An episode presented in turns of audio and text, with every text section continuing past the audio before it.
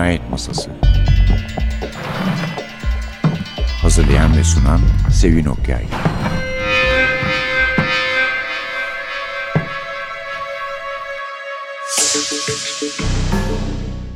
Merhaba, NTV Radyo'nun Cinayet Masası programına hoş geldiniz. Buradan bizden bir polisiye yazarımız var. İlk defa bize konuk oluyor ama bu da ilk polisiye kitabı zaten. Aslında daha önce olabilirdi ama işte biliyorsunuz denk düşürünce olabiliyor böyle şeyler. Burak Bey'i bugün konuk etmek nasipmiş. Kitabımız Eskişehir'in gölgesinde yazarımız Burak Akgüç. Bir Cemil Arıkan macerası yazıyor. Bu bir Cemil Arıkan macerası çok moral yükseltici bir şey. Çünkü kitabı sevdiyseniz eğer ki ben sevdim bir tane daha geliyor demek. Geliyor değil mi? Geliyor. Geliyor. Burak Bey'in yolu bize doğrudan geldi fakat tavsiyesi kitapla birlikte geldi ve Erol abimizden Erol İye Pazarcı biliyorsunuz bizim duayenimizdir polisiye meselelerinde. Daima danıştığımız, sıkıştığımızda yardımımıza koşan abimizdir. Çok güzel bir ön söz yazmış. Bankadan tanıştıklarını söylüyor Türkiye Sanayi Kalkınma Bankası'ndan. Ve diyor ki tabii ben bankanın Burak'tan iki kuşak önceki neslindenim diyor ama 3 yıl birlikte çalışmışlar değil mi? 92-95. Evet. evet. Ve çok beğenmiş kitabı çünkü 2. Dünya Savaşı dönemini anlatıyor İstanbul'da. O da az yazılan, az kalem oynatılan üstünde bir dönem olduğu için çok hoşuna gitmiş. Hemen oğlağa götürmüş Seray Hanım'a. Yeni bir yazar işte şöyledir böyledir diye. Çünkü zaten polisiye yazarlarımızın çoğunun ya ilk kitapları ya da Erol abinin deyişiyle onları meşhur eden, adlarını duyuran kitaplar sahiden de oğlaktan çıkmıştır. Hep biz de fırsatı ganimet bildik ve hemen Burak Bey'i çağırdık. Sizden bir kısa tanıtım rica etsek kendiniz için şimdilik sonra kitap için isteyeceğiz. Peki çok teşekkür ederim önce beni davet ettiğiniz için. Ben İstanbul doğumluyum 1964. Boğaziçi Üniversitesi mezunuyum. Ondan sonra uzun dönem bankacılık yaptım. Bankacılığı bıraktıktan sonra ilgili alanım olan yazma konusuna yöneldim ve ilk ürünüm diyeyim bu kitap oldu. Daha önce üniversite yıllarımda da tercümanlık çeviri yapıyordum. Arkeoloji çevirilerim vardı ve bunlar da yayınlanmıştı. Dolayısıyla aslında konuya çok da yabancı değildim. Burada hem İstanbul'un 2. Dünya Savaşı tarihi günleri hem de arkeolojik geçmişini bir araya getiren bir roman yazma gayreti içine girdim. Evet ki o günler çok ilgi çekici günlermiş. Yani sandığımızdan bildiğimizden de ilgi evet. çekici oldukları. Dediğiniz gibi herkes burada. Evet.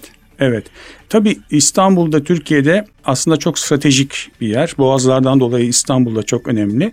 O nedenle savaş çıktıktan sonra İstanbul'da işte Ruslardan Almanlara, İngilizlerden Amerikalılara kadar kimi isterseniz onların diplomatları, ajanları, istihbarat tacirleri, yazarları, çizerleri hepsi İstanbul'da. Zaten İstanbul'un çok kozmopolit bir kültürel yapısı var. Bunlar üst üste gelince İstanbul çok ilginç bir yer haline geliyor. Haline alıyor, evet.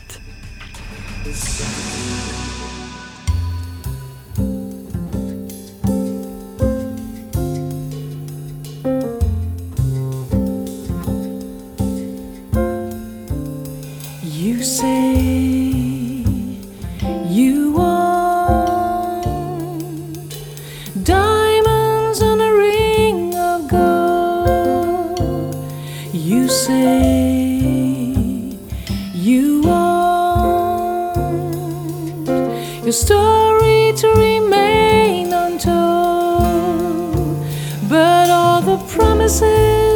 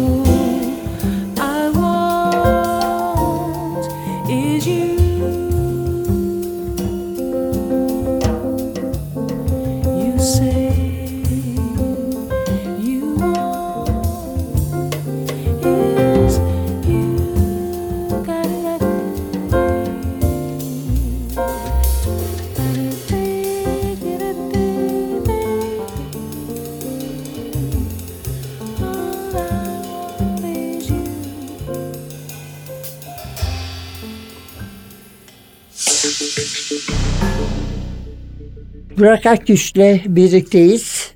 Bu arada tabii macera ve kitaplar Oğlak yayınlarından çıktı kitap. Peki kitap yani nasıl oluştu demek istiyorum aslında. Hani özel olarak ilgi duyduğunuz bir dönem olduğu için mi? Bir kitap var demiştiniz. Çok iyi bir kitap.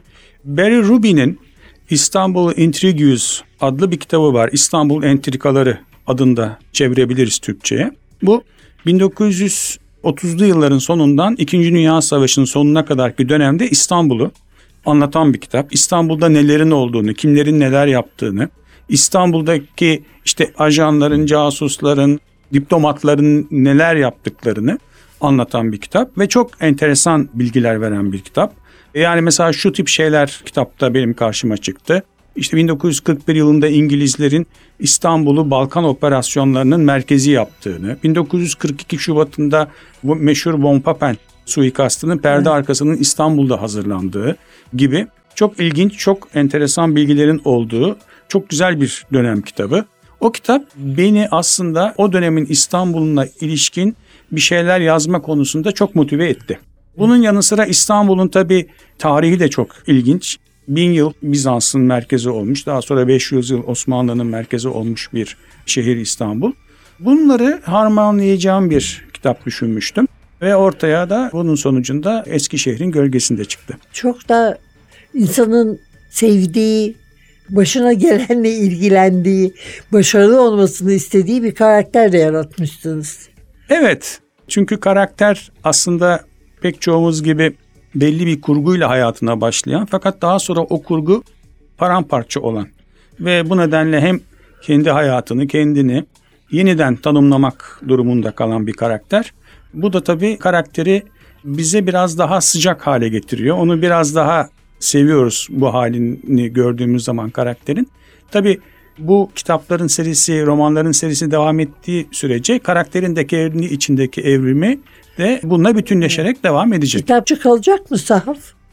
Şimdi o tarafı hep kalacak. Hatta Kalacak. o konuyu biraz daha geliştirip hatta belki yayıncılığa da bir miktar devam ediyor veya başlıyor olacak. Çok güzel kitaplar vardı. Yapı Kredi'den çıkan Ex Libris Evet. kitap var.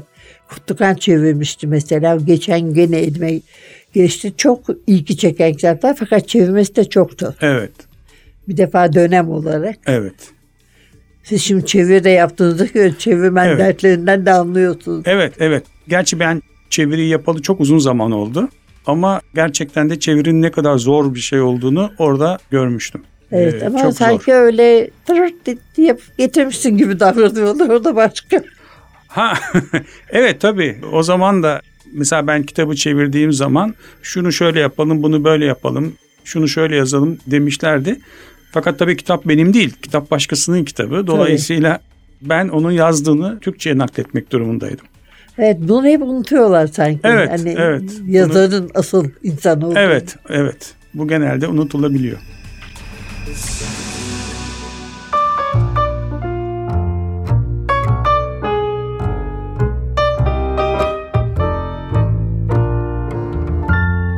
Know love like I know love, the sun don't rise the same. When a heart sings like a moonbeam, it shines on everything. If I told you I was so sure, I woke up and love whispered your name. Baby, believe it, I could not lie if I tried. If you know love like I know love, the birds don't sound the same with your sweet smile going on for miles. It warms up everything. If you told me you were so sure, you found out that love had come to town. You don't second guess it if you know love cotton candy and summer nights, string of pearls and city lights. I would throw them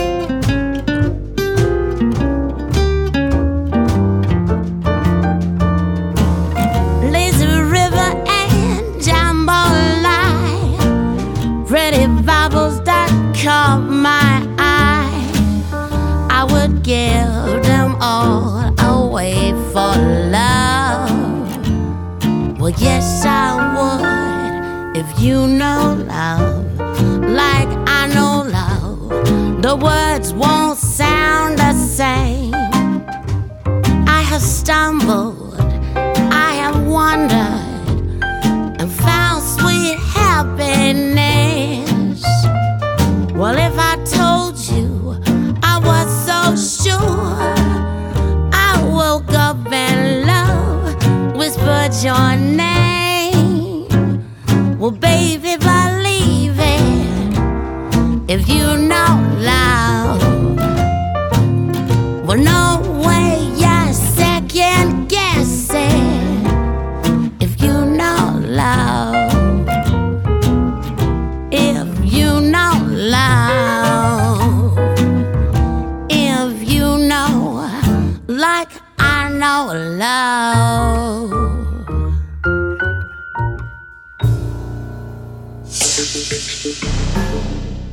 Burak Akiş'le birlikteyiz Eskişehir'in gölgesinde. E peki o zaman sizden rica edelim kitabı tanıtmanızı, özet vermenizi. Tabii ki.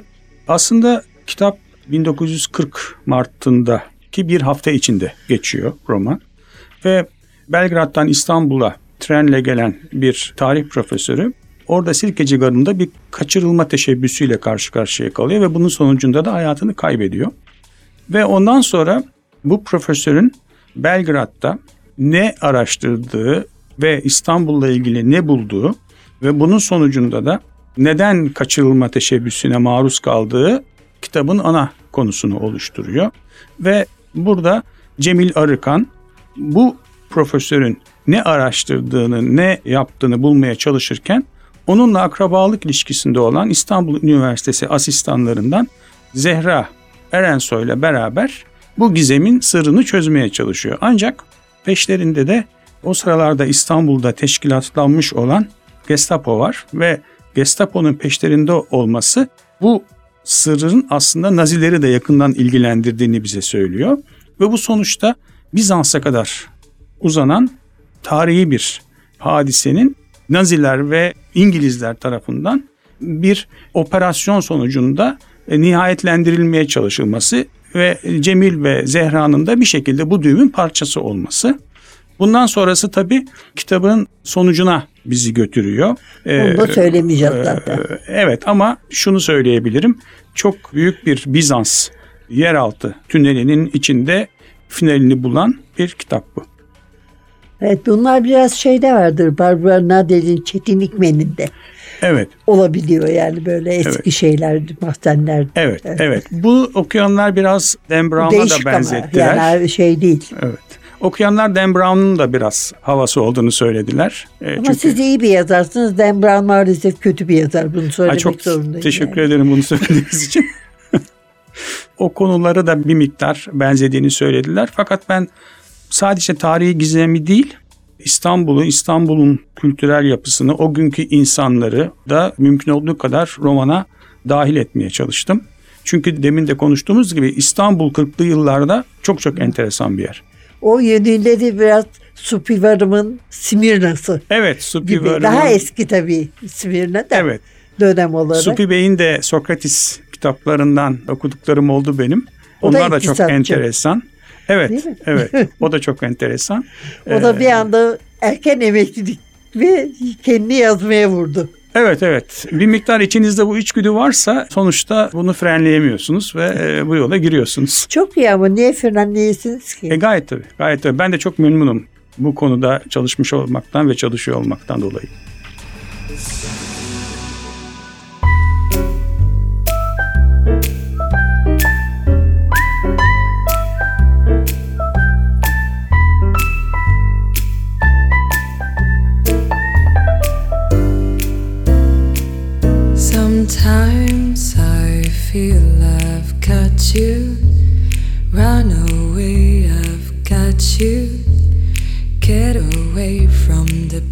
Pain you drive into the heart of me. The love we share seems to go nowhere, and I've lost my light. For I just and turn, I can sleep at night.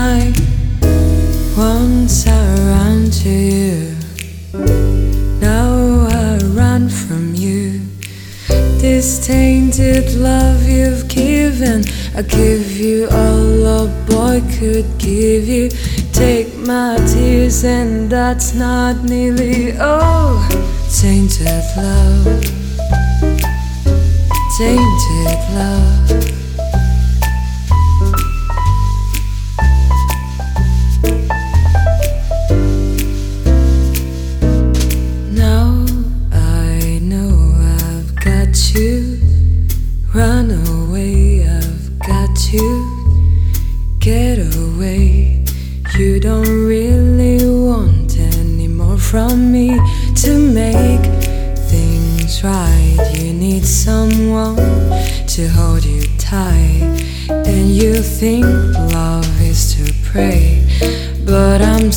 Sorry, I don't pray that way. Once I ran to you, now I run from you. This tainted love you've given, I give you all a boy could give you.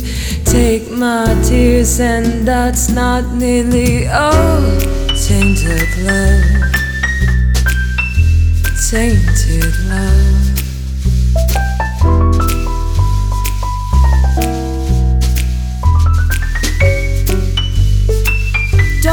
Touch me, please. I cannot stand the way you tease. I love you, though you hurt me so.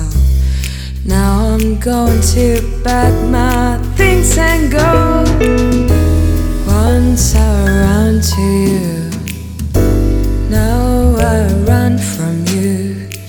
This tainted love you've given, I give you all a boy could give you.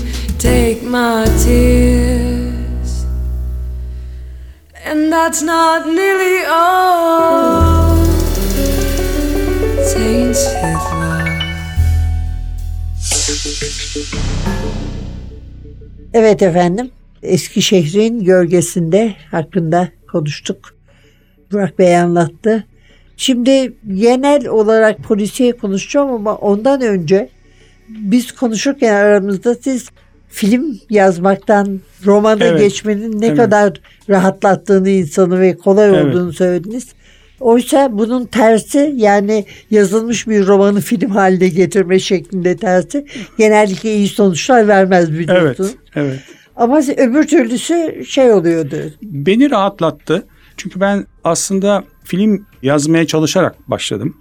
Çünkü sinemayı da çok seviyorum ve çok sevdiğim filmler de var. Hatta bunlar mesela Raymond Chandler'ın meşhur Philip Marlowe karakterinin üzerine yapılmış filmler. Dashiell Hammett, Mesela Robert Mitchum mu?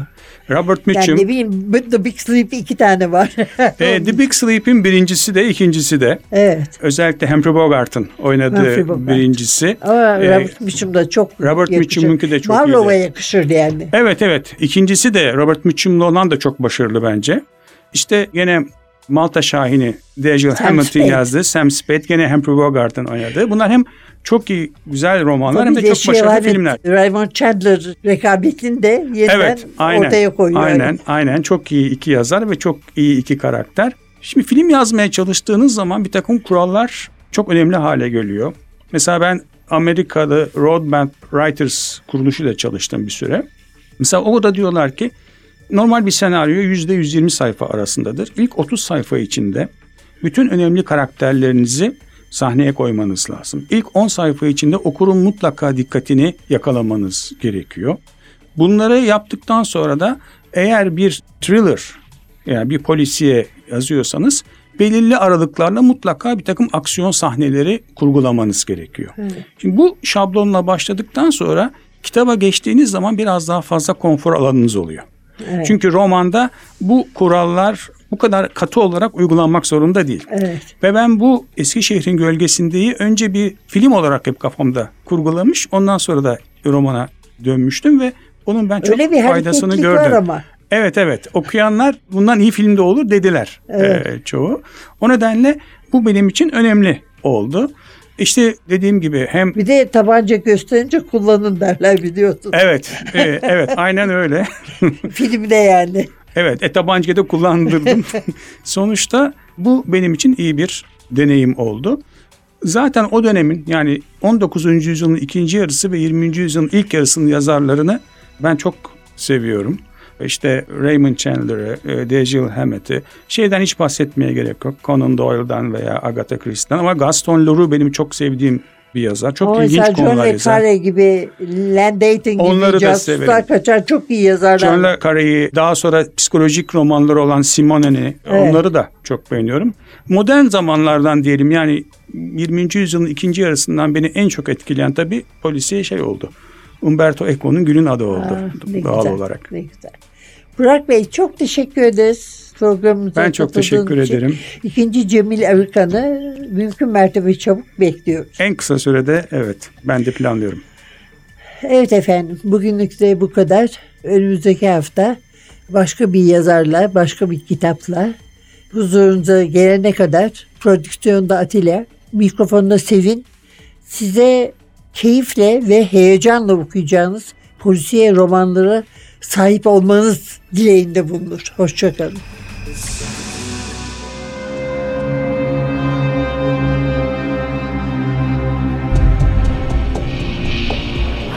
Cinayet Masası Hazırlayan ve sunan Sevin Okyay Cinayet Masası sona erdi. Programın tüm bölümlerini ntvradio.com.tr adresindeki podcast sayfamızdan dinleyebilirsiniz.